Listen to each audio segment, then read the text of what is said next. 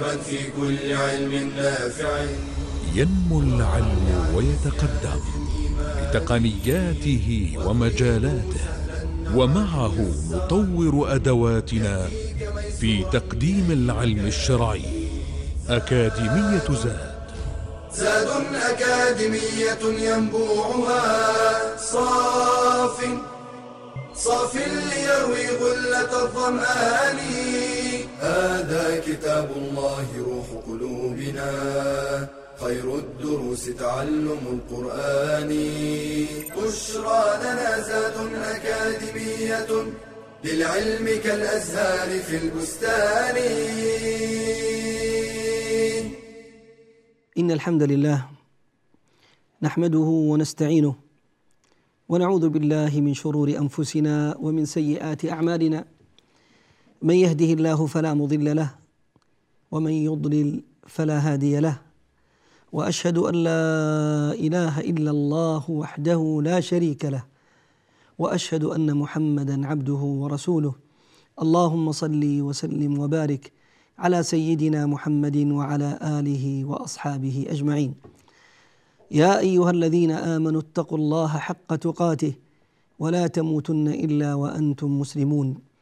يا أيها الناس اتقوا ربكم الذي خلقكم من نفس واحدة وخلق منها زوجها وبث منهما رجالا كثيرا ونساء واتقوا الله الذي تساءلون به والأرحام إن الله كان عليكم رقيبا يا أيها الذين آمنوا اتقوا الله وقولوا قولا سديدا يصلح لكم أعمالكم ويغفر لكم ذنوبكم ومن يطع الله ورسوله فقد فاز فوزا عظيما. اللهم لا سهل إلا ما جعلته سهلا وأنت تجعل الحزن إذا شئت سهلا. اللهم ارزقنا الإخلاص والتوفيق والقبول والعون إنك على ذلك قدير. ثم أما بعد أيها المباركون السلام عليكم ورحمة الله وبركاته. حي هلا بكم. أحييكم في هذا اللقاء المتجدد الذي نعيش وإياكم فيه مع مادة التفسير في هذه الأكاديمية المباركة أعني أكاديمية زاد العلمية. أحييكم أيها المباركون في هذا اللقاء الأخير في هذا المستوى الذي نعيشه معكم في الدورة الثالثة.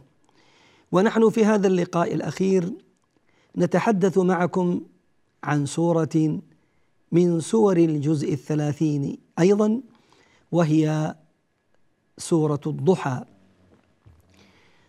سورة الضحى أيها الأحبة الكرام من السور المكية الخالصة. كما ذكر ذلك جمع من أهل التفسير. بل إن سياق الآيات وما ذكر في سبب نزولها يدل دلالة واضحة على أنها من السور المكية بل هي من أوائل تلك السور المكية التي نزلت على خير البرية صلى الله عليه وآله وصحبه وسلم. عدد آياتها إحدى عشرة آية وأما كلماتها فأربعون كلمة وأما حروفها فمئة واثنان وسبعون حرفا. وهذا كما ذكرنا دائما هذا العد الذي نذكره للكلمات والأحرف هو عد الإمام الثعالبي رحمه الله تعالى ورحم جميع علماء المسلمين. ابتدأ الحق تبارك وتعالى هذه السورة المباركة بالقسم. كغيرها من الآيات أو غيرها من السور المكية خاصة والتي مر معنا شيئا منها. فأقسم الله تبارك وتعالى في أول هذه السورة بآيتين عظيمتين مخلوقين عظيمين من خلق الله تبارك وتعالى. وهذا القسم هذا القسم يحمل عدة دلالات. نذكرها دائما وسنذكرها من باب التذكير بها. فهو كما يحمل بيان عظيم خلقها يحمل أيضا لفت نظري ونظرك إليها والتأمل فيها ثم الاستدلال بها على عظيم قدرة العظيم وإبداعه وصنعه ثم الاستدلال بالنظر إليها على وحدانية الله تبارك وتعالى واستحقاقه أن يعبد لا شريك له ولا رب سواه. القسم الأول قال الله تبارك وتعالى فيه والضحى. والضحى. ثم قال والليل. إذا سجى. الضحى أيها المباركون الصحيح فيه أنه يراد به وقت ارتفاع الشمس بعد إشراقها. فإن الشمس إذا أشرقت تظل لحظات ثم تبدأ في الارتفاع فإذا ارتفعت أكثر من قيد رمح ثم أخذت في الارتفاع فإن تلك اللحظات يبدأ فيها وقت الضحى وهو أكثر الأوقات اشراقا وإنارة وإضاءة لهذا الكون العظيم. وهو من الأوقات الفاضلة التي أقسم الله تبارك وتعالى بها. أنا أقول فاضلة لأن الله عز وجل أقسم بها. بل إن الله تبارك وتعالى شرع في هذا الوقت ما يسمى بصلاة الضحى التي أوصى بها عليه الصلاة والسلام وجعلها صلاة الأوابين وأوصى بها أصحابه الكرام فكانوا لا يدعونها. أعني صلاة الضحى. وقيل أن المراد بالضحى هو النهار كله ولكن سياق الآية واللفظ اللفظ يدل على أن المراد بالضحى هو هذا الوقت الذي يشمل من بعد ارتفاع الشمس بعد إشراقها إلى قبل أن تصل إلى كبد السماء فيبدأ وقت النهي ثم يكون بعده وقت زوال الشمس ودخول وقت صلاة الظهر. والضحى ثم قال والليل إذا سجى. أيضا يقسم بالليل. لاحظ يأتي بهذه المتغيرات.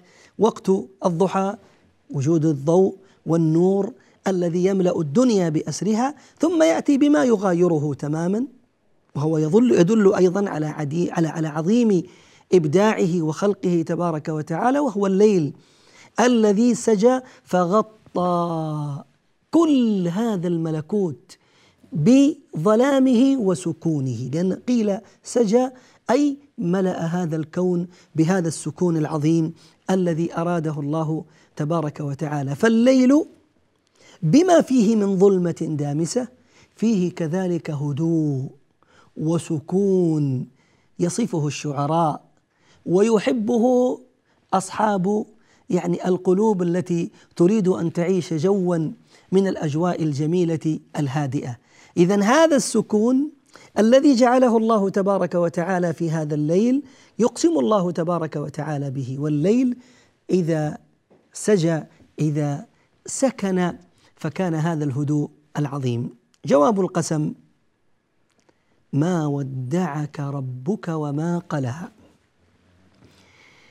هذه الآية أيها الأحبة مع هذا السياق القرآني جاء في سبب نزوله عدة أحاديث عن رسول الله صلى الله عليه وسلم ومن أشهرها ما جاء في الصحيحين أعني في البخاري ومسلم عن عبد الله بن جند عن جندب بن عبد الله البجلي رضي الله عنه أن النبي صلى الله عليه وسلم اشتكى أن النبي صلى الله عليه وسلم اشتكى جاء في هذه الشكوى أنه أصيب عليه الصلاة والسلام في أحد أصابعه فاشتكى صلى الله عليه وسلم فتأخر جبريل عليه السلام عنه ليالي فلم ينزل عليه الوحي فقال من قال من المشركين ودعك ربك؟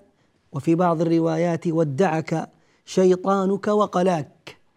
فأنزل الله تبارك وتعالى هذه الآيات التي تدل على أن الله تبارك وتعالى ما ودعه وما قلاه وللحديث بقية إن شاء الله تعالى بعد الفاصل. بشرى لنا زاد أكاديمية للعلم كالأزهار في البستان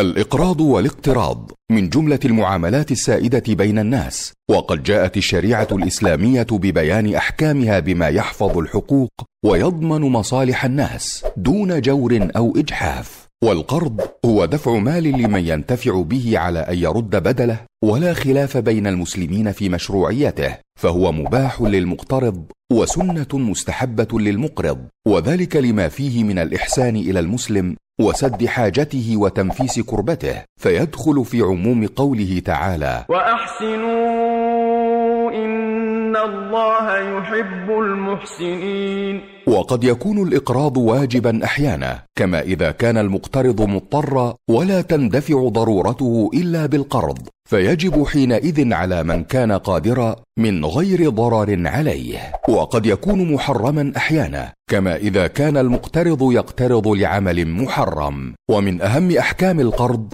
أنه عقد تمليك فلا يتم إلا ممن يجوز له التصرف ولا يتحقق إلا بالإيجاب والقبول. كل قرض جر نفعا فهو ربا فليس للمقرض أن يشترط زيادة في ماله الذي أقرضه أو يشترط منفعة كسكن أو إجارة أو إعارة أو غير ذلك من المنافع. إذا رد المقترض أحسن مما أخذ من المقرض أو أعطاه زيادة دون شرط أو قصد صح ذلك لأنه تبرع من المقترض وحسن قضاء. من المعاملات الربوية المحرمة ما تقوم به البنوك من عقد قروض نظير فائدة محددة تأخذها زيادة على مبلغ القرض. يجوز للمقرض أن يأخذ رسوما عن خدمات القروض بشرط ألا تزيد عن الأجرة الفعلية التي يتكلفها المقرض وكل زيادة على الخدمات الفعلية محرمة لأنها من الربا. الأصل أنه لا إثم على صاحب المال إن رفض إقراض شيء من ماله لمن سأله ذلك. إلا إذا كان القرض واجبا ومتعينا عليه. ومن كان في سعه من أمره وأحب أن يتجاوز عن معسر فليتجاوز. لعل الله يتجاوز عنه. عن أبي هريرة رضي الله عنه أن رسول الله صلى الله عليه وسلم قال كان رجل يداين الناس فكان يقول لفتاه إذا أتيت معسرا فتجاوز عنه. لعل الله يتجاوز عنه. فلقي الله فتجاوز عنه. بشرى لنا زاد أكاديمية للعلم كالأزهار في البستان. الحمد لله رب العالمين. أهلا وسهلا أيها الكرام. كنا نتحدث قبل الفاصل عن سبب نزول هذه السورة المباركة لا سيما هذه المقاطع الأولى منها وهو قول الله تبارك وتعالى ما ودعك ربك وما قلى وقلنا أن مما ورد عن النبي صلى الله عليه وسلم فيها وهو في الصحيحين حديث جندب بن عبد الله البجلي أن النبي صلى الله عليه وسلم اشتكى وتأخر عنه الوحي ليالي فقال من قال قال من قال من المشركين أن ربه تبارك وتعالى قد ودعه وقلاه. من هذا القائل؟ قيل أنها أم جميل امرأة أبي لهب. قالت ذلك استهزاء برسول الله صلى الله عليه وآله وصحبه وسلم. ومما ورد في ذلك أيضا وهو عند الطبراني وعند ابن أبي شيبة والحاكم وغيرهم أن النبي صلى الله عليه وآله وصحبه وسلم تأخر عليه الوحي ليالي وانتظره صلى الله عليه وسلم وكان قد يعني أصابه شيء من الحزن بسبب تأخر مجيء جبريل عليه السلام عنه. فخرج صلى الله عليه وسلم بعد ليالي من بيته وقامت إحدى الخادمات له عليه الصلاة والسلام تنظر في بيته وتكنس فكنست من تحت رسول الله صلى من تحت سرير رسول الله صلى الله عليه وسلم فوجدت شيئا ثقيلا فكان جروا قد دخل حجرة رسول الله صلى الله عليه وسلم فمات في ذلك الموضع. فكان وجود هذا الجرو سبب لإبطاء وتأخر جبريل وعدم دخوله على رسول الله صلى الله عليه وسلم في حجرته فقال من قال من المشركين تلك المقالة ودعك ربك وقلاك لحظات وإذ به عليه الصلاة والسلام يدخل بيته ترعد تضطرب تهتز لحيته صلى الله عليه وسلم يقول لهم دثروني دثروني ثم أنزل الله تبارك وتعالى عليه هذه السورة المباركة التي فيها قوله تعالى ما ودعك ربك وما قلى أحبتي والله إني لاشعر من خلال قراءتي لهذه الآية والآيات بعدها. كيف أن الله تبارك وتعالى يراعي عز وجل نفسية نبيه صلى الله عليه وسلم. وما ذاك والله إلا لعظيم المنزلة ورفعة الدرجة التي بلغها صلى الله عليه وسلم عنده. فهو خيرة خلق الله أجمعين. اللهم صل وسلم وبارك عليه. هو خيرة خلق الله أجمعين. أفضل الأنبياء والمرسلين. هو إمامهم. ومقدمهم وقدوتهم صلى الله عليه وآله وصحبه وسلم. صاحب الحوض المورود صاحب الشفاعة العظمى صاحب المواقف التي لا يصل إليها أحد من الخلق. فالله عز وجل لما قيل ما قيل ودعك ربك وقلاك أصابه عليه الصلاة والسلام شيء من الحزن، شيء من الهم، فأراد الحق تبارك وتعالى تطييب نفس نبيه، فقال الله له: ما ودعك ربك وما قلى. الله عز وجل ما ودعك، ما تركك، وما قلاك، ما أبغضك، بل أنت أنت وهو تبارك وتعالى باق معك، ولكن لله حكمة في هذا التأخير الذي كان ووقع. ما أبغضك الله تبارك وتعالى فكيف يبغضك وأنت صفوة خلقه أجمعين؟ تبارك وتقدس وعز وجل. اذا ما ودعك ربك وما قلى أي ما تركك وما أبغضك. ثم قال الله له وللآخرة خير لك من الأولى. إي والله إي والله إن الآخرة بما فيها من نعيم مقيم لا يحول ولا يزول.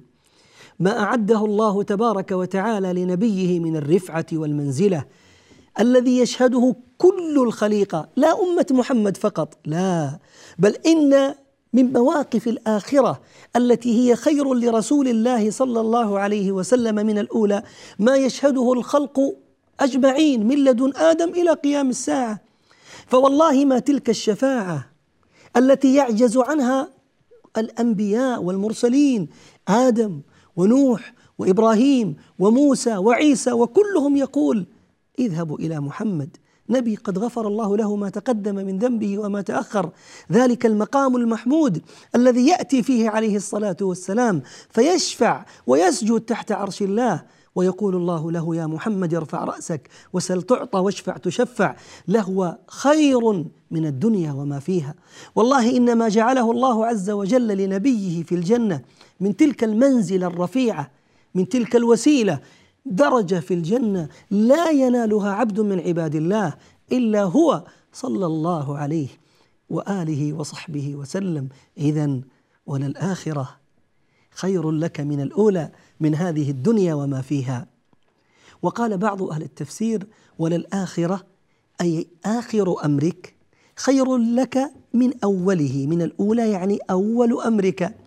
وقد كان ذلك أيضا فقد كان آخر أمره عليه الصلاة والسلام الفتح المبين والنصر العظيم على أعداء الملة والدين ففتح الله عز وجل له تلك البلد التي خرج منها خائفا يترقب فدخلها منتصرا فاتحا صلى الله عليه وآله وصحبه وسلم بل وفتح الله له مشارق الدنيا ومغاربها صلى الله عليه وآله وصحبه وسلم وأعطي كنوز الأرض صلى الله عليه وآله وصحبه وسلم فكان آخر أمره خير له من أوله. هذا قول لبعض أهل التفسير وإن كان القول الأول هو الأظهر من سياق الآيات والعلم عند الله تبارك وتعالى وإن كان عموم الآية يشمل الأمرين. ثم قال الله تعالى ولسوف يعطيك ربك فترضى. يا رب سبحانك. سبحانك ما أكرمك ما أحلمك ما أعظمك. الله عز وجل يقول لنبيه عليه الصلاة والسلام ولسوف يعطيك ربك. ما قال الله؟ يقول ربك. الرب الذي رباك بنعمه من صغرك. بل ومن أيام أن كنت في بطن أمك رباك بنعمه المتكررة. وسيأتي جزءا من هذه التربية التي رباه الله تبارك وتعالى بها. ربك سيعطيك عطاء منقطع النظير كما ذكرنا قبل قليل من تلك المقامات العظيمة في الآخرة. وأعطاه في الدنيا ذلك الفتح والنصر المبين. وأعزه ونصره ولسوف يعطيك ربك فترضى. وقد والله ملئ قلبه عليه الصلاة والسلام يقينا بذلك. فهو الذي ما جزع في يوم من الأيام صلى الله عليه وآله وصحبه وسلم وهو الذي والله ما داخله في يوم من الأيام ذرة شك من وعد الله بالنصر والتمكين وكان يبشر بذلك إلى أن رآه عيانا بيانا ولسوف يعطيك ربك فترضى. إي ربي بين لنا شيئا من عطاء الربوبية الذي أسبغته على نبيك. فقال الله تبارك وتعالى لنبيه ألم يجدك يتيما فآوى؟ اللهم صل وسلم وبارك عليك يا محمد. ألم يجدك يتيما؟ خرجت إلى الدنيا وأنت لم تر والدك. توفاه الله تبارك وتعالى وأنت ما زلت في بطن أمك. فخرج عليه الصلاة والسلام فكان يتيما.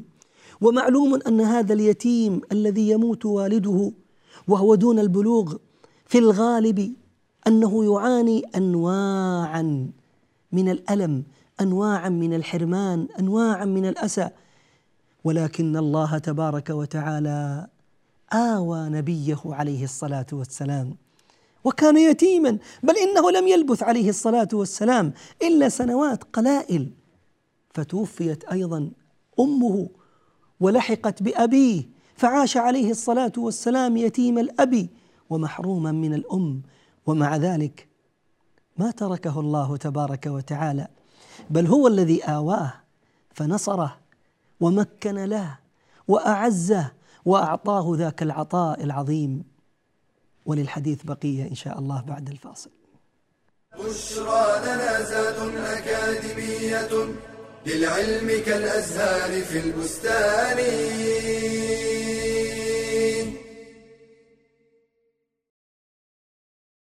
لقد من الله على المؤمنين إذ بعث فيهم رسولا من أنفسهم يتلو عليهم آياته ويزكيهم ويزكيهم ويعلمهم الكتاب والحكمة وإن كانوا من قبل لفي ضلال مبين. الإيمان بالرسل ركن من أركان الإيمان وواجب اعتقادي من أعظم الواجبات. فالرسل هم المبلغون عن الله رسالته والمقيمون على الخلق حجته. فإرسال الرسل من أعظم نعم الله على خلقه وخصوصا محمدا صلى الله عليه وسلم خاتم الأنبياء وأفضل المرسلين. والإيمان بالرسل يتضمن التصديق بأن الله تعالى بعث في كل أمة رسولا منهم يدعوهم إلى عبادة الله والكفر بما يعبد من دونه. الاعتقاد بأنهم جميعا صادقون قد بلغوا جميع ما أرسلهم الله به. فلم يكتموا ولم يغيروا. الإيمان بأن دعوتهم جميعا قد اتفقت على التوحيد. قال تعالى وما أرسلنا من قبلك من رسول إلا نوحي إليه أنه لا إله إلا أنا فاعبدون.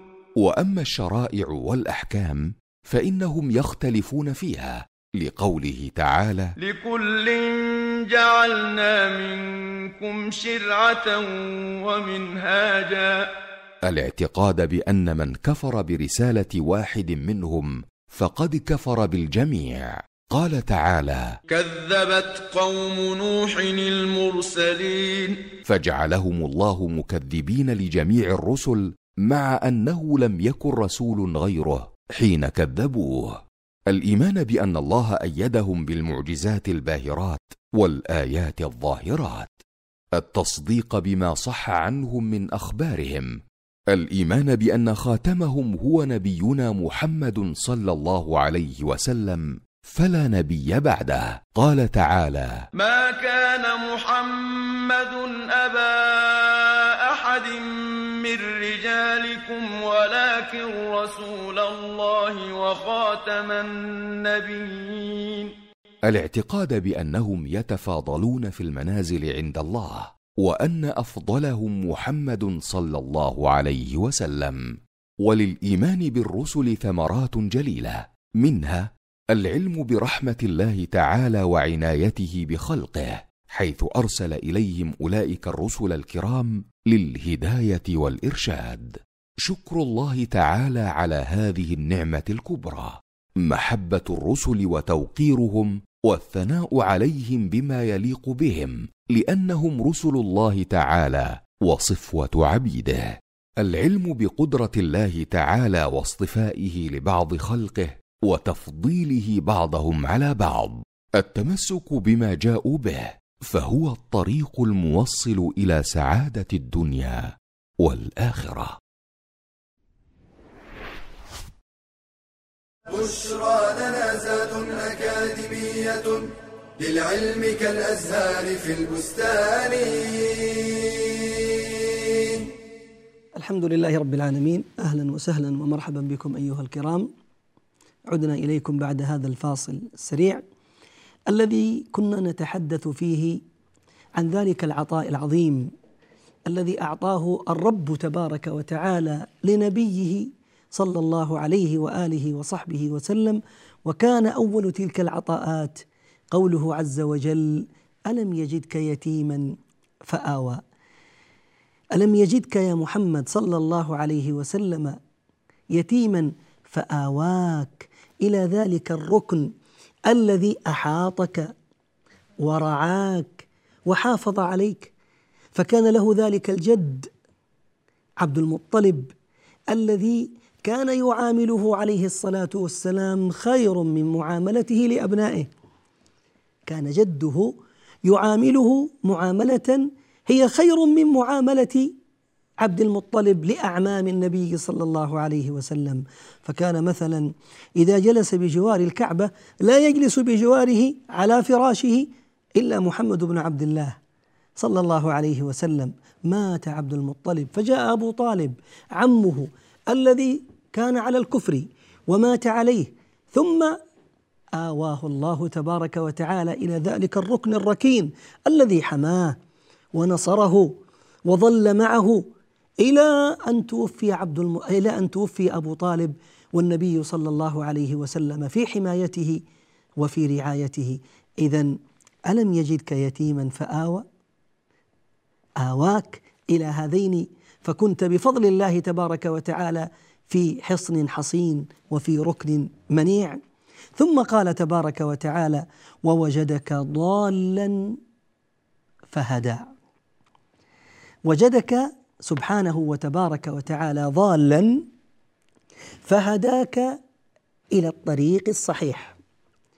للمفسرين رحمهم الله في بيان هذه الآية الضلال والهداية عدة أقوال لكن أفضل ما قيل فيها وهو من تفسير القرآن.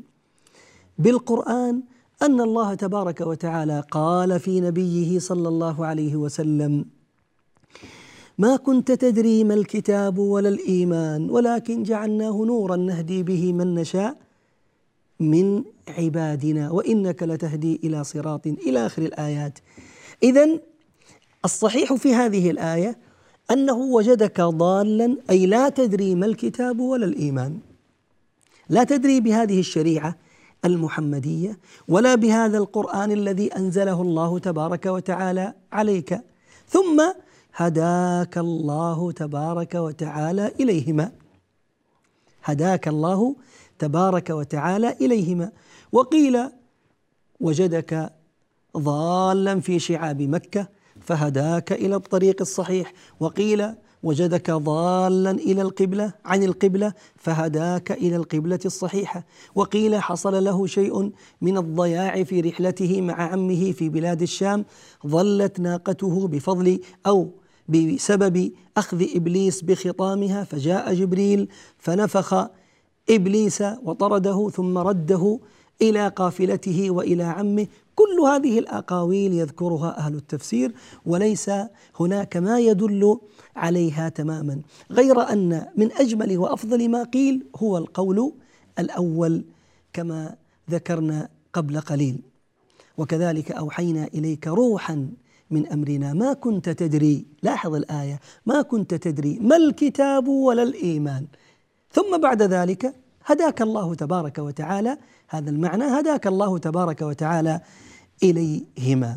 اذا ووجدك ضالا فهداك إلى الكتاب وإلى الإيمان إلى هذا القرآن وإلى هذه الشريعة المباركة وما فيها من تفاصيل. ثم قال تعالى ووجدك عائلا فأغنى وجدك عائلا أي فقيرا فأغنى أغناك سواء كان غنى النفس وهو الغنى المعنوي أو أو الغنى المادي أو الغنى المادي. غنى النفس الغنى المعنوي فقد أوتي عليه الصلاة والسلام غنى في قلبه يملأ الدنيا بما فيها. لو قسم على عباد الله أجمعين لوسعهم فكان قلبه مليئا بالغنى بالله تبارك وعز وجل. وأما المادة فإن الله تبارك وتعالى يسر له ذلك أيما تفسير. فكان في بداية أمره صلى الله عليه وسلم يعمل في الرعي فيرعى الأغنام على قراريط لأهل مكة.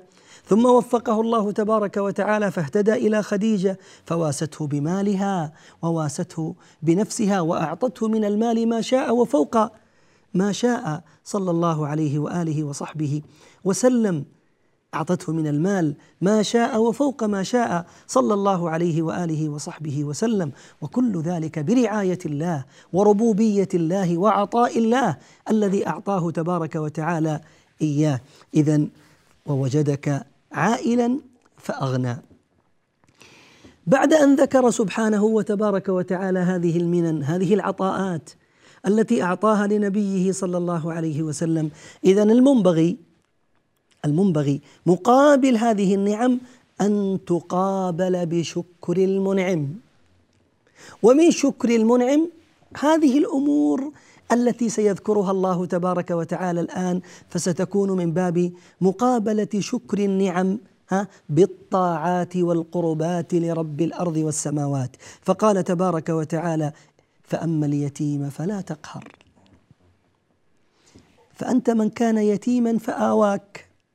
إذا فأما اليتيم يا محمد صلوات ربي وسلامه عليك فلا تقهر. هذا اليتيم الذي لم يبلغ الحلم وكان قد توفي والده لا تقهره لا تذله لا تحدث له شيء من الإذلال والقهر أبدا. وقد جاءت الشريعة بالوصية باليتيم يكفيك أن سورة النساء وحدها ذكر الله تبارك وتعالى فيها خمس آيات كلها في الوصية باليتيم. والحث على على على على أن أن أن يعطى من المال وأن يحافظ عليه وأن يرعى وأن يتقي الله العبد في في في مراعاته من ولاه الله تبارك وتعالى أمر يتيم. خمس آيات في سورة واحدة. بل يكفيك في السنة عفوا قوله عليه الصلاة والسلام في باب الوصي الوصية بهذا اليتيم أنه قال أنا وكافل اليتيم في الجنة كهاتين. أنا وكافل اليتيم في الجنة كهاتين. بل إن ممن يزاحم رسول الله صلى الله عليه وسلم في الولوج إلى الجنة هي أم الأيتام كافلة الأيتام.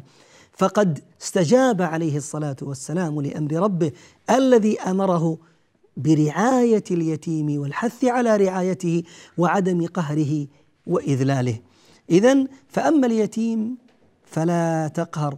ثم قال وأما السائل فلا تنهر.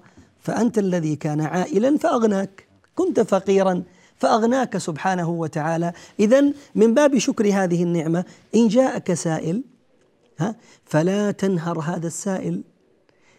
هذا السائل كلمة السائل هنا كما قال أهل العلم كلمة عامة تشمل جميع أنواع السؤال ما كان منه سؤالا معنويا أو كان سؤالا ماديا. السؤال المعنوي كأن يأتيك طالب علم يسألك علما تعلمه كائنا من كان. فإن المنبغي بل الواجب عليك إن كان كنت ممن آتاك الله تبارك وتعالى علما أن تبذل من هذا العلم فتعطيه إياه. أن تبذل من هذا العلم وتعطيه إياه فمن كتم علما ألجمه الله بلجام من نار. أو كان هذا السائل يسأل سؤالا ماديا شيئا من مالك شيئا من جاهك شيئا من وقتك أعطيه ما تستطيع.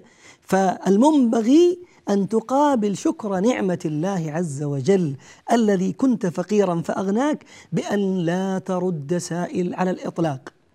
إياك أن تقع في النهر إياك أن تؤذيه بكلمة قد تكون سببا لأذيته سواء كانت هذه الأذية معنوية أو كانت أذية مادية. إياك أن تقع في ذلك على الأطلاق. فالله عز وجل يحذر بل ينهى نبيه صلى الله عليه وسلم أن ينهر هذا السائل سواء كان سائلا للعلم أو كان سائلا للمادة والأمر الدنيوي. إذا وأما السائل فلا تنهر. يقول أهل العلم وفي هذه الآية دليل على أن معلم الناس ينبغي أن يكون رحيما فلا ينهرهم ما يزجرهم ما يرفع الصوت عليهم ما يؤذيهم بأنواع الأذى بل المنبغي أن يكون رحيما أن يكون عطوفا أن يكون حانيا على هؤلاء المتعلمين لأن الله تعالى أرشد إلى هذا فقال وأما السائل ها فلا تنهر. فهذا الذي يريد يتعلم كن معه من خير الناس رحمة. ثم قال تعالى وأما بنعمة ربك فحدث. النعم التي أنعم الله عز وجل بها عليك سواء كان اليتم الذي آواك الله عز وجل به أو كان الفقر فأغناك الله تبارك وتعالى به أو الضلال ما كنت تدري ما الكتاب ولا الإيمان الذي هداك الله عز وجل إليه. هذه النعم وغيرها من نعم الله حدث بها فإن ذلك من شكر نعمة الله. أحبتي إن من المنبغي على المؤمن أن يحدث بنعم الله في غير تفاخر وفي غير كبرياء وغطرسة بل يحدث بنعم الله من باب الاعتراف بنعم المنعم تبارك وتعالى. وهذا مما يحبه الله عز وجل.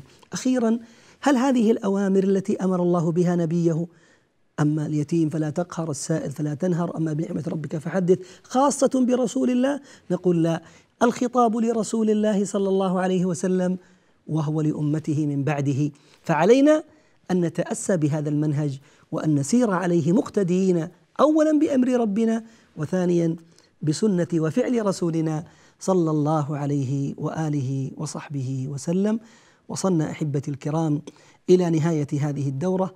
نسأل الله تبارك وتعالى بأسمائه الحسنى وصفاته العلى أن نكون قد أدينا شيئا من شكر الله عز وجل بما أنعم به علينا من نعمة هذا العلم. ونسأله تبارك وتعالى أن يجعلنا ممن بذل ما يستطيع لتبسيط المعلومة وإخراجها على وجهها الصحيح. ولنا معكم إن شاء الله تعالى لقاء في الدورة القادمة. سائلين الله أن يحفظنا وإياكم من كل سوء. نستودعكم الله الذي لا تضيع ودائعه. والسلام عليكم ورحمة الله وبركاته. يا راغبا في كل علم نافع متطلعا لزيادة الإيمان وتريد سهلا النوال ميسرا يأتيك ميسورا بأي مكان. زاد زاد أكاديمية ينبوعها صاف صاف ليروي غلة الظمآن. بشرى لنا بشرى لنا بشرى لنا زاد أكاديمية للعلم كالأزهار في البستان.